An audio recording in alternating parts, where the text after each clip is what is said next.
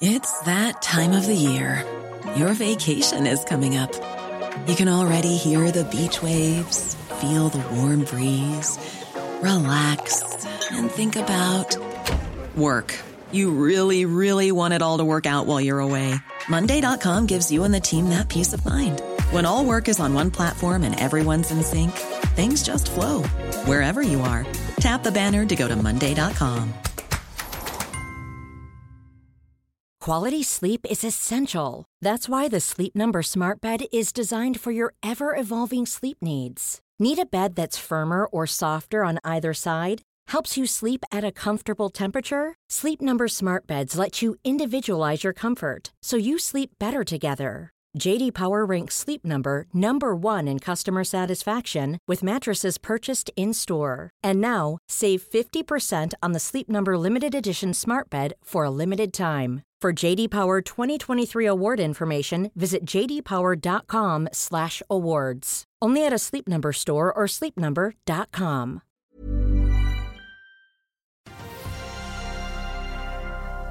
Amerikanske konsumpristall går litt ned. Da er det ventet at børsene skal opp. Det er 11. mai, og dette er Børsmorgen.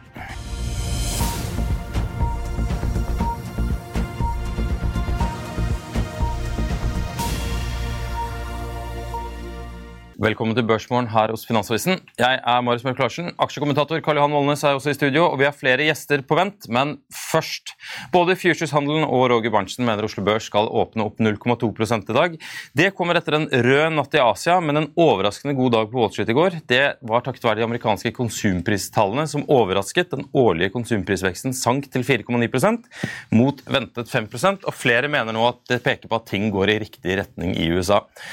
Samtidig har oljeprisen begynt å komme litt opp, og et fat brentolje ligger på morgenen torsdag på 77 dollar, opp 0,8% fra i går. Eh, mer inflasjonsdrivende enn inflasjonsdempende. Regjeringen øker oljepengebruken mer enn Norges Bank har ventet. Dette gir rentene et lite dytt oppover, mener Kyrre Omdal, etter at regjeringen øker oljepengebruken med 56 milliarder kroner. Det løfter uttaket fra oljefondet fra 2,5 til 3% og mer om det kan du lese på fa.no. Regjeringen utsetter iverksettelse av grunnrenteskatt på vindkraft til 2024 og ikke i 2023 som opprinnelig planlagt, går det, frem, går det frem i forbindelse med fremleggelsen av revidert budsjett.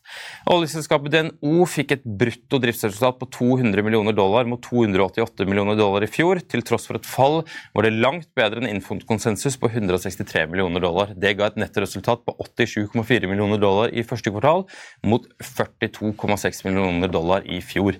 På Rett Securities kutter kursmålet på Aker BP fra 400 til 350 kroner, men gjentar kjøp. Kjell Inge Røkkes oljeselskap har den seneste tiden underbestert konkurrentene på børsen med nesten 50 Kepler Chevrolet øker kursmålet på Flex LNG fra 378 til 379 kroner, og Arctic Securities høyner kursmålet fra 310 til 338 kroner.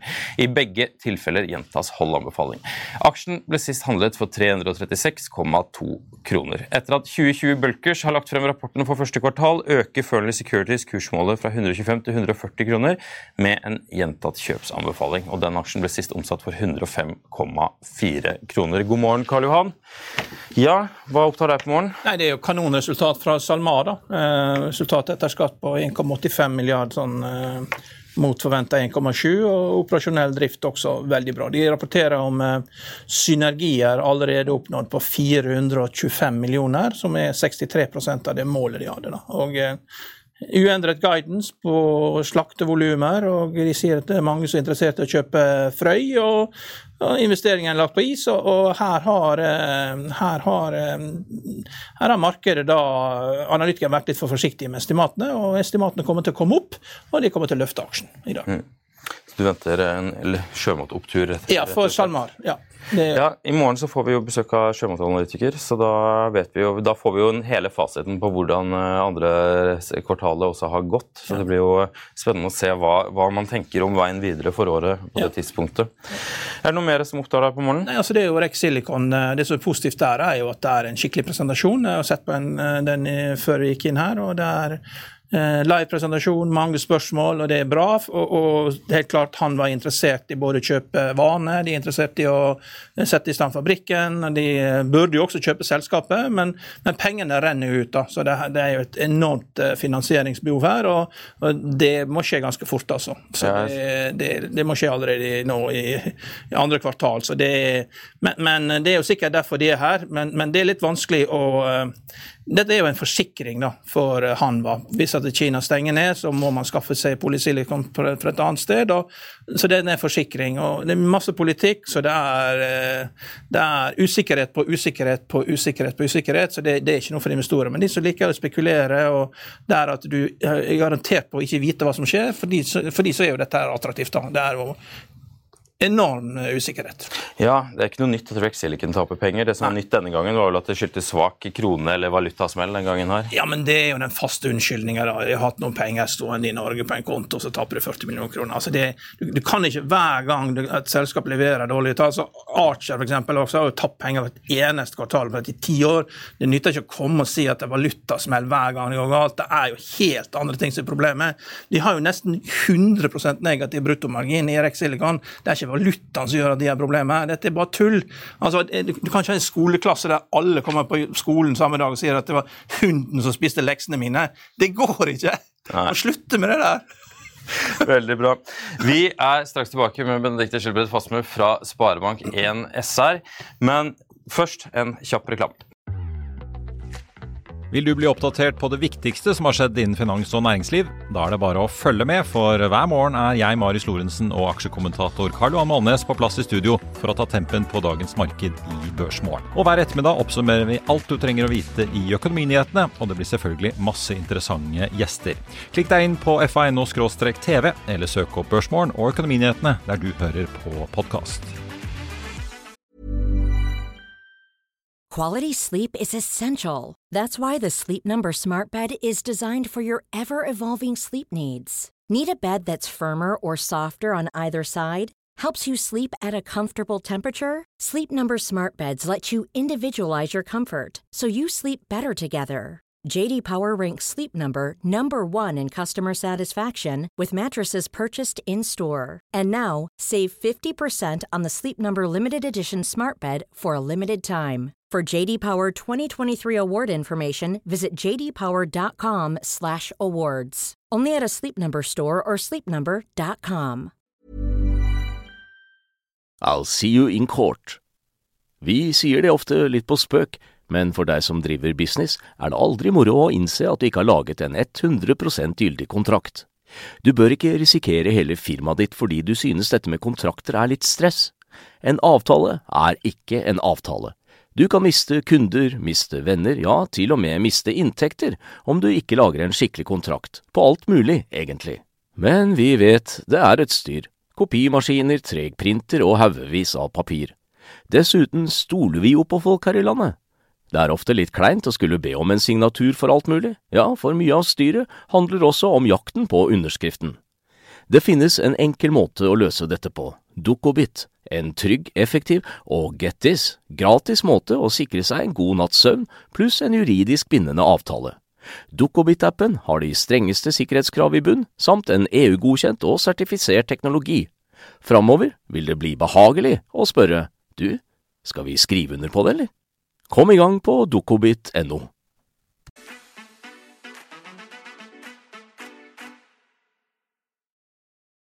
Velkommen til oss.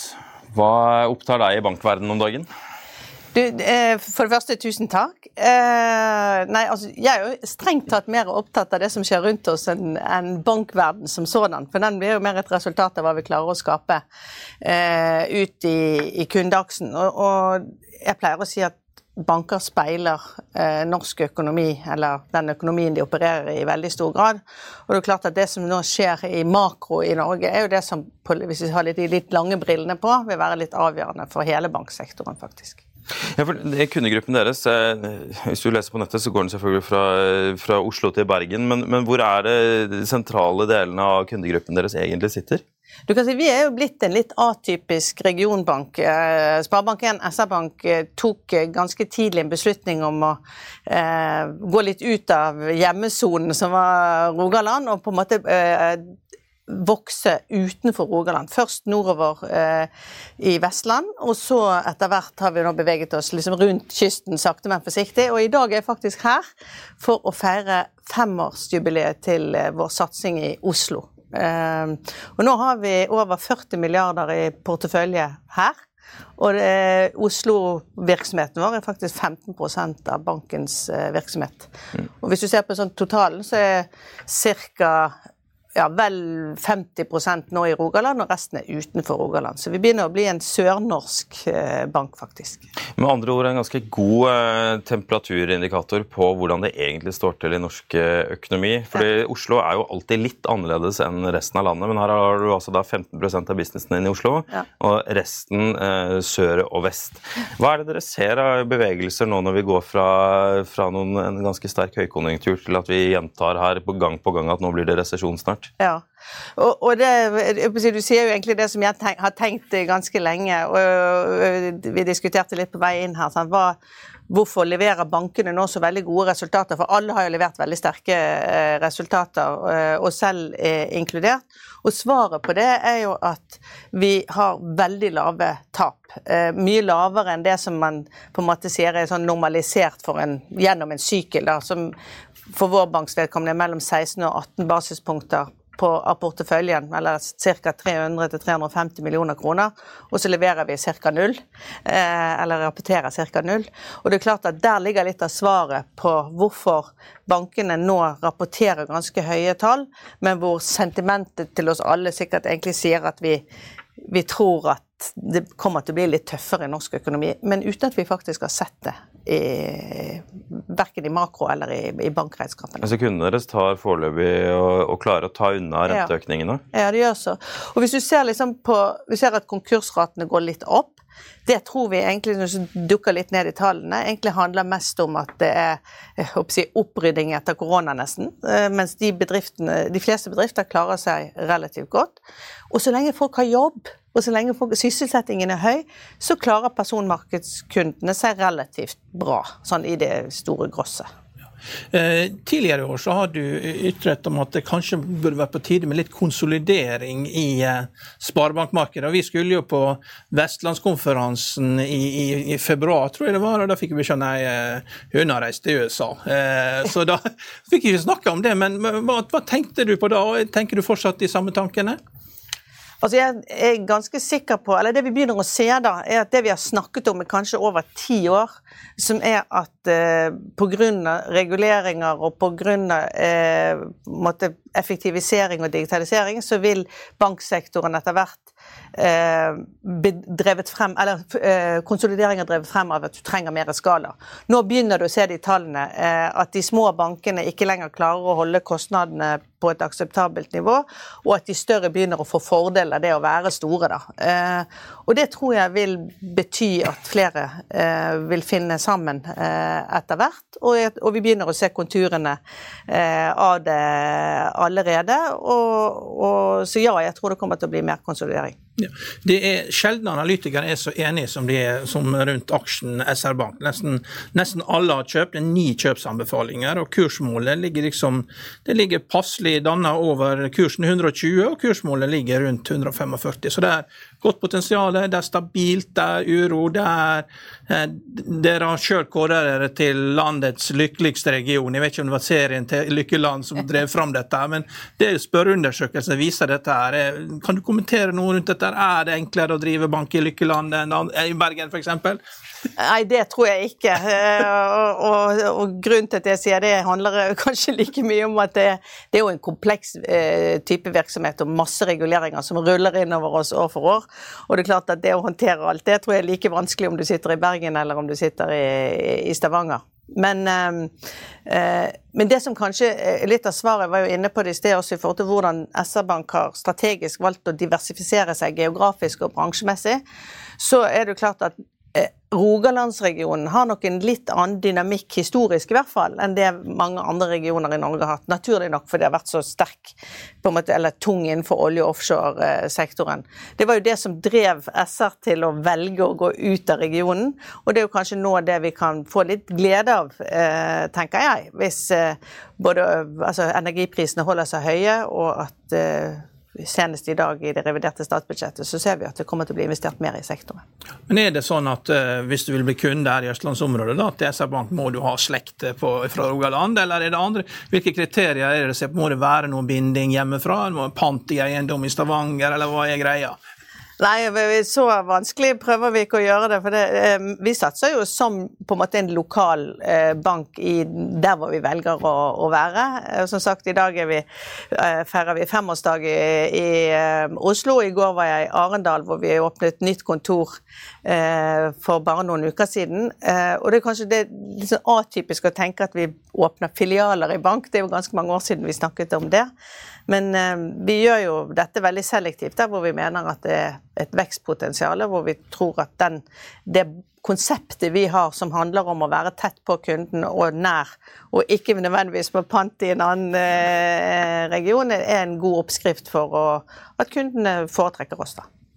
Det gleder meg å høre at det, satses i min fødeby Arendal. Men jeg lurer litt på, Hvis vi går fra, fra, lille Arendal til eh, USA, der er det jo en, en gryende bankkrise. Hvordan, eh, hvordan, følger dere med på en sånn type krise fra et norsk eh, bankperspektiv? følger det veldig eh, tett, selvfølgelig. For det er jo klart at hvis vi kjenner litt på det vi møtte i 2008, og da var jeg også i toppledelse i bank og, og satt med det der i, i fanget, så er det klart at da, vi, der, jeg så bilder i 2008 at det sto kø utenfor BlackRock for å ta ut uh, innskuddene, så trodde vi, var veldig få som trodde at det kom til å liksom, uh, ha effekt utover uh, denne lille banken. nå er alle på alerten, men vi også må huske at vi er et helt annet sted som som bransje, sånn rent soliditets- og likviditetsmessig enn det vi var.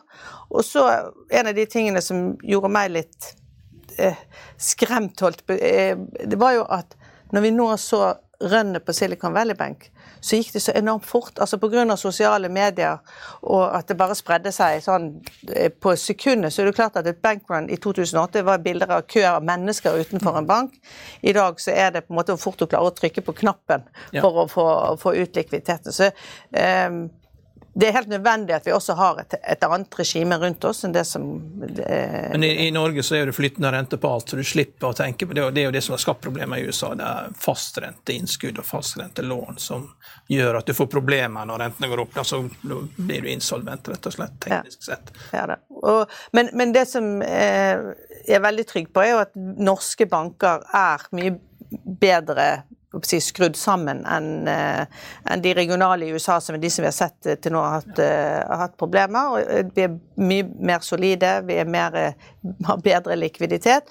Og så må vi heller ikke glemme at det som vi, man ikke ser så godt, verken i regnskapene eller sånn intuitivt, det er jo at hele den finansielle sektoren er jo bundet sammen av bilaterale handler. Sant? Av derivater, renter, valuta og, og sånn. sånn at det er litt sånn dum eller storleken. Sant? Hvis det først stopper, så stopper det veldig. og Det som skjedde i 2008. Nå har jo vi eh, clearing og eh, mark-to-market-mekanismer hver eneste dag av den type eksponering. Sånn at den risken også betydelig lavere enn den var eh, ved forrige korsvei.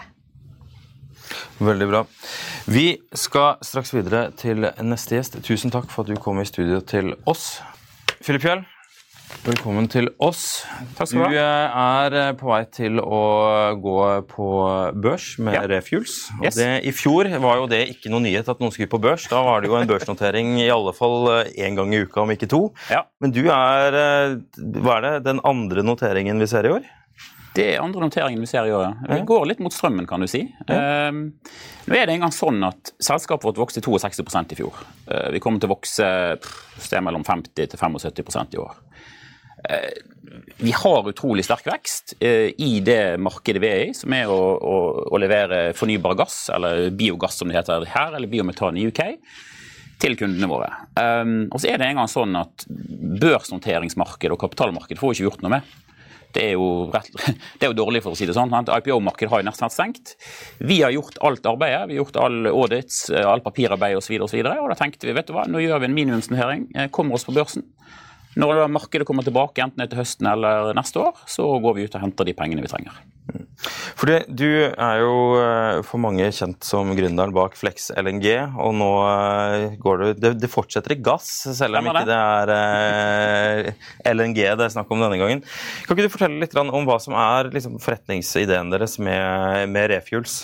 Ja, så jeg kom ut av Flex LNG i 2013, når Fredriksen kom inn og tok kontrollen. egentlig. Sant? Kom tilbake til UK, var i Singapore da, kom tilbake til UK, gründet da, et selskap som het CNG Fuels. Eh, sammen med Baden, CFO-en vår. Um, og Det vi så på da, var jo hvordan kan du best avkarbonisere eller dekarbonisere tungtransport. Har vært veldig mye fokus på hydrogen og elektrifisering, og vi sier nei. Det finnes faktisk mer kostnadseffektive måter å gjøre dette på. Skalerbare her og nå. Uh, så det vi har gjort, er å Vi bygger ut svære fyllestasjoner i, UK. Um, hovedsakelig i dag, men vi har òg fokus på Europa. Der det er snakk om da å, å, å source fornybar gass, eller biogass, som vi da bruker til å, å fylle lastebiler med. Og I dag så dekker vi ca. 1% av tungtransportmarkedet i UK. Det har vi brukt ni år på. Så det tar lang tid å bygge ny industri. Eh, men nå har vi virkelig fått, eh, kommet opp i launch, launch speed, og, og nå ser vi virkelig masse adoptering skje. Hvor får du gassen fra? Hvor, den, hvor blir den produsert? Hva, hva? Den produseres uh, i UK og den produseres i Europa. Um, og det er av, avfallsprodukter. Så det er, det er, matavfall, det er, det er kloakkslam. Er dette samme som du holder på med? Ja. Eh, altså Uten at jeg vet Klemetsrud-anlegget sånn sett, men, men, det er avfallsprodukter. Så dette er ikke noe som kommer fra, fra, fra noe som blir dyrket. Dette er matavfall, eh, husdyrgjødsel osv. Og, eh, og, det, og det samles da sammen, eh, og du setter det inn i da et, eh, et biogassanlegg. Eh, der du da produserer gassen ut av det. Og Du har egentlig to alternativer når du først produserer biogass. Enten kan du produsere elektrisitet. Eh, strøm. Altså du kan produsere elektroner, men, men, men, det er et veldig lite effektiv måte å gjøre det på. Eller du kan kline opp gassen eh, og bruke den som fuel. og Det er en mye mer effektiv prosess. og Det er det vi ser nå i Europa. At trenden er å gå fra å produsere strøm til å bruke dette faktisk som, eh, som, et drivstoff. Ja, Er det fordi at det skaper så stor ustabilitet inn i anleggene at det, det, er mer fleksibelt å bruke det på Det har ikke noe med verdi å gjøre, men det har med det har liksom med, rett og slett med fleksibilitet å gjøre? Ja, det har med fleksibilitet å gjøre. og du kan blant annet, sant, Når du injiserer det inn i, inn et rørledningsanlegg eh, eller rørledningsnett, så du, kan du bruke det som storage og som, og, og som buffer. Eh, men det handler òg om, om, effektivitet. Altså Når du skal ta biogass, du skal produsere strøm, eh, så mister du ca. 70 effektivitetstap i, i, generatoren, kontra det å, å kline det opp og bruke det som, som fuel. Er dere en produsent eller en distributør? Vi er distributør i dag, så vi er fullintegrert i dag. Eh, det vil si at vi, vi, eh, vi kjøper under lange kontrakter, um, um, og så har vi da fyllestasjonene. Uh, og Grunnen til at vi vil på børs, er det at vi ønsker å vokse oppstrøms. Det vil si gå inn og faktisk ta eierandeler i produksjonsanlegg, sånn at vi da blir en en end-to-end, helt fra oppstrøms. Eh, nesten sånn som du kan se et olje- og gasselskap, uten, uten, at vi selvfølgelig er det.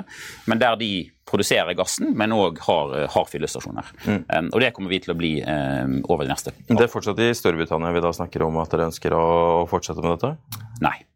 Vi har ekspansjonsplaner eh, i, i Europa. Mm. Uh, vi er med i et joint venture i dag i Estland. Og vi ser på ekspanderingsmuligheter i Europa. Det vi har gjort i UK, våre stasjoner i UK er de største som vi vet om i Europa. Tror kanskje noen av de største i verden. Det er noen som i USA som muligens like store. Men det, den, den, reisen vi egentlig har vært på teknologisk, eh, har vært unik. Og Der har vi et fortrinn i, forhold til veldig mange andre markeder i Europa, som vi ser på og, og da, og da ja, ta, ta, ta, ta, en blueprint egentlig, som vi har brukt i UK uh, suksessfullt, og, og, ta den uh, ut i Europa. Mm. Eh, du sa dere står for 1 av, eh, av drivstoffet til eh, tungtransporten i Storbritannia. Betyr det at, at bio, biogass står for 1% eller at dere står for 1 av, av alt sammen? Vi står for 1% av alt sammen. Mm. Og vi har i dag ca. 90 pluss prosent av bio-CNG-markedet, eller biometanmarkedet, som, som, går inn i tungtransport i UK i dag. Mm. Så vi har en veldig sterk markedsposisjon. Og, og det er òg en av grunnene til at vi én ønsker å gå på børs, og to ønsker å bruke den markedsposisjonen til å ekspandere uh, i Europa. For hvis du ser hva som har skjedd etter uh, Ukraina-krigen, så har det vært et utrolig fokus i Europa på at ok, la oss kanskje ikke importere så mye gass fra andre land. La oss heller produsere så mye gass som vi kan med de, med de råstoffene vi har. Og da har biometan, eller biogass, eh, har da fått en ny renessanse. Mm. Hva er det som gjør at denne gassen er så miljøvennlig kontra vanlig, vanlig diesel? Nei, altså Hvis du ser på eh, utslippsprofilene, da. Eh, hvis, hvis du tar biogass som kommer fra husdyrgjødsel, så er den karbonnegativ. Det vil si at du, du, fjerner såpass mye metan fra atmosfæren eh, at i forhold til å kjøre på en diesellastebil, så har du faktisk mer enn 100% CO2 equivalent savings. Uh, gjennomsnittlig, hvis du ser på den, den, den, porteføljen som vi har nå av, av biogass, så har kundene våre i dag 90-92% utslippskutt av, av CO2. Da, kontra det å, å bruke diesel. Du sier uh, at dere skal gjøre en enkel børsintroduksjon, uh, men hva er det dere faktisk gjør? Nei, Vi går på børs. Uh, vi har hentet inn sant? Du har jo minimumskrav i Oslo om å hente så og så mye penger og så og så mange nye, nye aksjonærer. så vi har hentet litt over 50, 50 mill. nok. Eh, i, i ny kapital. Eh, hentet inn eh, det er vel 30 pluss nye, nye, aksjonærer nå, sånn at vi kommer oss på børs. Og vi, og vi blir listet. Så, vi, vi så hva var pre-money valuation på de 50 millionene? Nei, det, vi, vi, vi, har noen warrants inni dette også, da, men, men ca. 120 millioner pund. Så det vil bli norske kroner, blir det vel vant å regne i pund her, men 1,5-1,6 milliarder norske. Så warrant-strukturen fra Flex LNG den blir med videre? Det var jo helt genialt. Ja, det var egentlig ikke planen, da, men, men sant, nå er vi en gang i det, i det børs, børsmarkedet vi er i. Um, så, så, ja, eh, det kommer inn warrants uh, til de som har kommet inn. Um, ja, vi har hentet veldig lite kapital nå. Um, vi, vi, vi, genererer cashflow måned for måned. Ja. Eh, så Sånn sett så ønsker vi nå bare å komme oss på børs, eh, ligge der, ha piggskoene på når markedet kommer tilbake. Eh, eller vi får et mer fornuftig marked, så er vi klare til å hente de pengene vi, vi egentlig trenger. Ja, for Det er Euronext Growth nå i morgen, og så forstår jeg at dere sikter mot, mot hovedlisting i løpet av to år? Det, det, er riktig. Så Vi går jo på Euronext Growth. Sant? Det er en veldig effektiv børsnoteringsprosess som da funker bra i, i dagens marked. Men ja, vi, vi, ser på en opplisting. Vi, vi føler vel egentlig ikke som selskap gitt at vi har uh, den omsetningen vi har i dag. Vi, vi, vi tjener penger.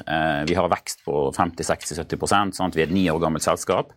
Jeg vet veldig mange selskaper som har gått på Euronex Growth. og Det har blitt en del kritikk mot at de har gått på børs for tidlig osv. Kanskje ikke skulle vært der osv. Vi føler vel kanskje ikke at den merkelappen passer på oss. Eh, vi, vi, vi, vi er et ni år gammelt selskap, har 80 ansatte, omsatte for eh, over en milliard i fjor osv. Så, så, videre. så vi ser Euronex Growth som et, et, et, et midlertidig steg for å komme oss opp på hovedlisten etter hvert. Hvor mye har du i eierandel sjøl i, i selskapene? Jeg er rett under 20% 19,6-19,7 noe sånt. Mm. Men hvordan skalerer dette her nå? Trenger dere mye kapital for å skalere og vokse, eller vokser det mye organisk nå? Det, det, er, en av de, det er en av de fine måtene med hvordan vi har finansiert oss på så langt. Uh, vi har egentlig to deler av businessen som, som, som, trenger kapital. Vi trenger jo generell arbeidskapital for å ansette folk sant, osv. Og, så videre, og, så trenger vi og så trenger vi kapital oppstrøms for å gå etter opp, oppstrømsanlegg. På selve stasjonsbiten så koster hver stasjon å bygge 4-6 millioner pund, cirka, så la oss si ta, ta average tall 5 millioner pund. Det finansierer vi off balance sheet med, med infrastrukturfinansiering. Um, og der har vi 100 um, millioner med pund som da vi har fått fra, eller fått, som da vi har hentet fra, fra Foresight Group, som er en av de ledende grønne infrafondene i, i, London. Har vel 14 billion, tror jeg, eh, pund under, under, under management. Um, nå kan ikke sitte her og si om vi skal få mer penger for de osv., men det er den type finansiering som er ganske enkel å gjøre for stasjonene. Så, så, vi har ikke nødvendigvis et stort kapitalbehov på stasjonsbiten, men vi har på, på, på generell vekst innenfor, innenfor, det vi ønsker å gjøre, kanskje se på litt M&A osv. Så, så, så, så det er egentlig det vi, det vi trenger kapital til. Si at jeg er en uh, britisk lastebileier. og ja. uh, det er fint med det grønne skiftet selvfølgelig, og fint med lavere utslipp, men uh, jeg er ute etter dette, hvordan dette påvirker økonomien min. Jeg har regninger å betale. Ja. Og det alle snakker om, er elektriske lastebiler. Det skal redde hele verden. Men hvor, er, hvorfor skal jeg da velge biogass istedenfor en sånn Tesla-truck okay. når den kommer? Og og, og, og, hvordan når dere meg? Ok, Så du er en britisk lastebileier. Det betyr at du har en, en, en net profit margin på et sted mellom 3 til 5 Så du har veldig tynne marginer å gå på. Det betyr at du kan ikke, du kan ikke ta deg råd til å gå grønn og tape penger. Du har veldig lite penger å gå på. Det vil si at du må egentlig ha noe som er kostnadsnøytralt, at best, med diesel. Det som er beautyen med å kjøre på biogass, er at ja, lastebilene koster litt mer. 20 000-25 000 pund mer enn en diesellastebil, men fuelen er billigere. Så det vil si at For hver kilometer du kjører, så sparer du penger. En typisk payback på de 20 000-25 000 er etter to år. Du kommer til å ha lastebilen i 5-6 år. Det vil si at du har en IRR på 30-40% med å gå på biogass. Du har negativ IRR i dag på å gå på elektrisk. Du har negativ IRR på å gå på hydrogen. Sånn at sånn sett er det egentlig bare ett argument for hvorfor du skal, du skal, gå over på biogass og egentlig vente med elektrisk og hydrogen. Vi snakker med 80 tipper jeg, av de 100 største, så det vil si 80 ut av de 100 største lastebiloperatørene i UK. Alt fra 500 lastebiler som de opererer, opp til den største har 8000. Um, det er ikke én av de som har seriøse planer om å elektrifisere eller gå for hydrogen de neste fem årene. Vi ser jo stadig at det går busser og, og ja. lastebiler i Norge også. Det står at denne går på biogass. Er, det, er det dette noe som er veldig lett for alle lastebilprodusenter å, å bygge, eller er det noen få som gjør dette? Nei, du har egentlig god, god dekning på det. Uh, så, så du, du, kan gå ut i dag og du kan kjøpe en, en, en off uh, en, factory spec eh. Ja. Eh, hvis du ser på elektrisk hydrogen, så er det fortsatt mye utvikling som må skje. Eh, jeg vil bare presisere, Vi er ikke negative mot elektrifisering av hydrogen. Vi kommer selv til å være involvert i det fremover. Men jeg som gründer må være klar over hva er det som skal betale regningene. Hva er det som aksjonærene våre skal tjene penger på de neste fem og ti årene? Det er ikke elektrifisering og det er ikke hydrogen. Det kommer til å komme fra, fra biogass. Det handler med hvor modent er det hvor klart er det for å gå mainstream? Og der er vi i dag. Der er i dag biogass og biometan. Det er, det er skalerbart, eh, og det er mass adoptable. Det er dessverre ikke elektriske lastebiler og, og hydrogen i dag. Biogass er jo øh, nok en på en måte Det er, det er jo ikke et fossilt, rent fossilt drivstoff, men du kommer ikke nå med en løsning som er utdatert om noen år. Altså, hvor, lenge, hvor, lang, hvor, lenge, skal vi holde på med biogass i, inn i fremtiden? Altså Min krystallkule er vel like god som din og Karl Johan. Så lenge vi har søppel, så har vi jo biogass. Ja, det, helt riktig, sant? Og, og, men altså min, min krystallkule er vel like god som deres med tanke på hva, hva er det som kommer til å være løsningen i 2040, 2050, 2060. Det er litt irrelevant, egentlig. Vi, vi har kunder som trenger å, å, å, dekarbonisere her og nå. Vi har store supermarkedskjeder i, i UK, enten det er Lidl, Aldi osv., som, som, som bl.a. ønsker å være 50% av diesel i 2025, 100% av i 2030. Da har du ingen andre alternativer. Da må du gå ned dette, denne, denne løypen nå. Hva som da eventuelt er økonomisk forsvarlig å gjøre i 2035, 2040 osv., jeg vet ikke. Men som selskap, som gründer, så kommer vi alltid til å gi kundene våre den løsningen de vil ha. Hvis de vil ha hydrogen om, om, to år eller 20 år, så skal vi gi det.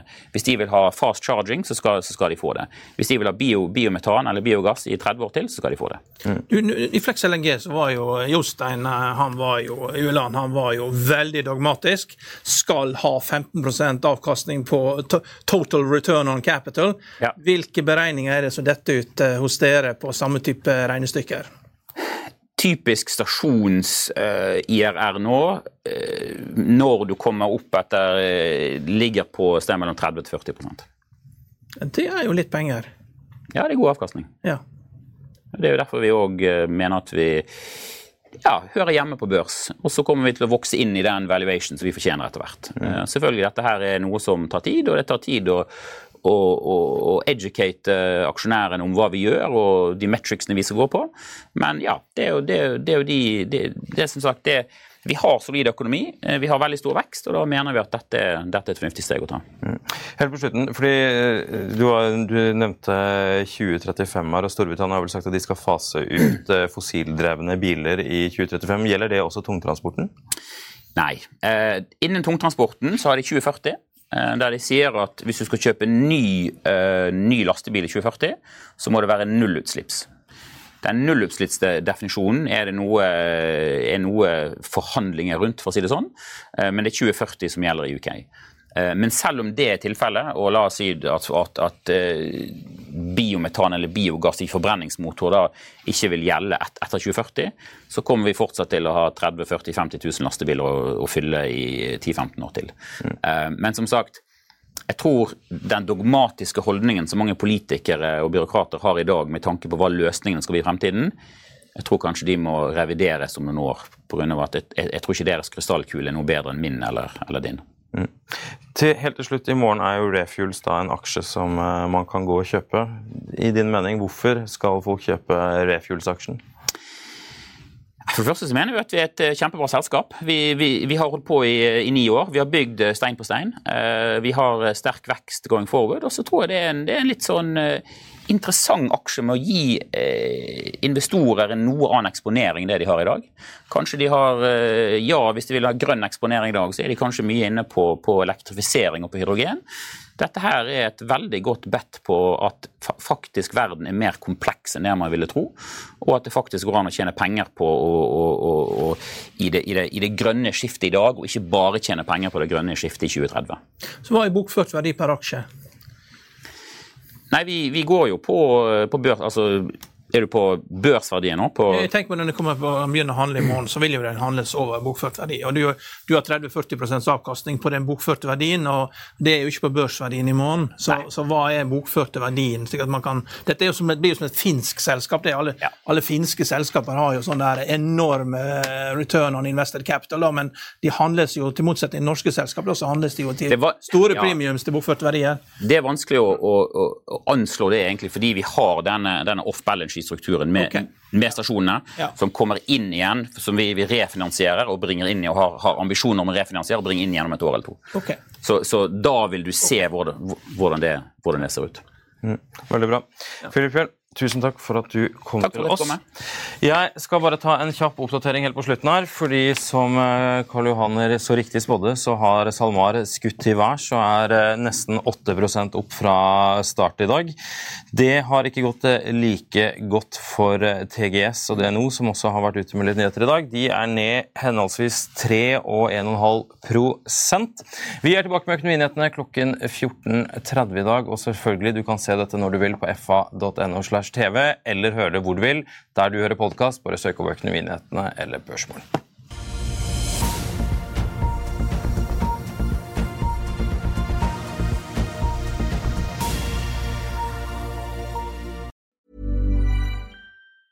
Small details are big surfaces. Tight corners are odd shapes. Flat, rounded, textured, or tall. Whatever your next project, there's a spray paint pattern that's just right because Rust new Custom Spray 5 and 1 gives you control with five different spray patterns. So you can tackle nooks, crannies, edges, and curves without worrying about drips, runs, uneven coverage, or anything else. Custom Spray 5 and 1. Only from Rust Planning for your next trip? Elevate your travel style with Quince. Quince has all the jet setting essentials you'll want for your next getaway, like European linen premium luggage options, buttery soft Italian leather bags, and so much more. And it's all priced at 50 to 80% less than similar brands. Plus, Quince only works with factories that use safe and ethical manufacturing practices. Pack your bags with high-quality essentials you'll be wearing for vacations to come with Quince. Go to quince.com slash trip for free shipping and 365-day returns. Hi, I'm Daniel, founder of Pretty Litter. Cats and cat owners deserve better than any old-fashioned litter. That's why I teamed up with scientists and veterinarians to create Pretty Litter. Its innovative crystal formula has superior odor control and weighs up to 80% less than clay litter. Pretty Litter even monitors health by changing colors to help detect early signs of potential illness. It's the world's smartest kitty litter. Go to prettylitter.com and use code ACAST for 20% off your first order and a free cat toy. Terms and conditions apply. See site for details. Økonominyhetene er en podkast fra Finansavisen. Programledere er Marius Lorentzen, Stein Ove Haugen og Benedikte Storm Bamvik. Produsenter er Lars Brenden Skram og Bashar Johar. Og ansvarlig redaktør er Trygve Hegnar.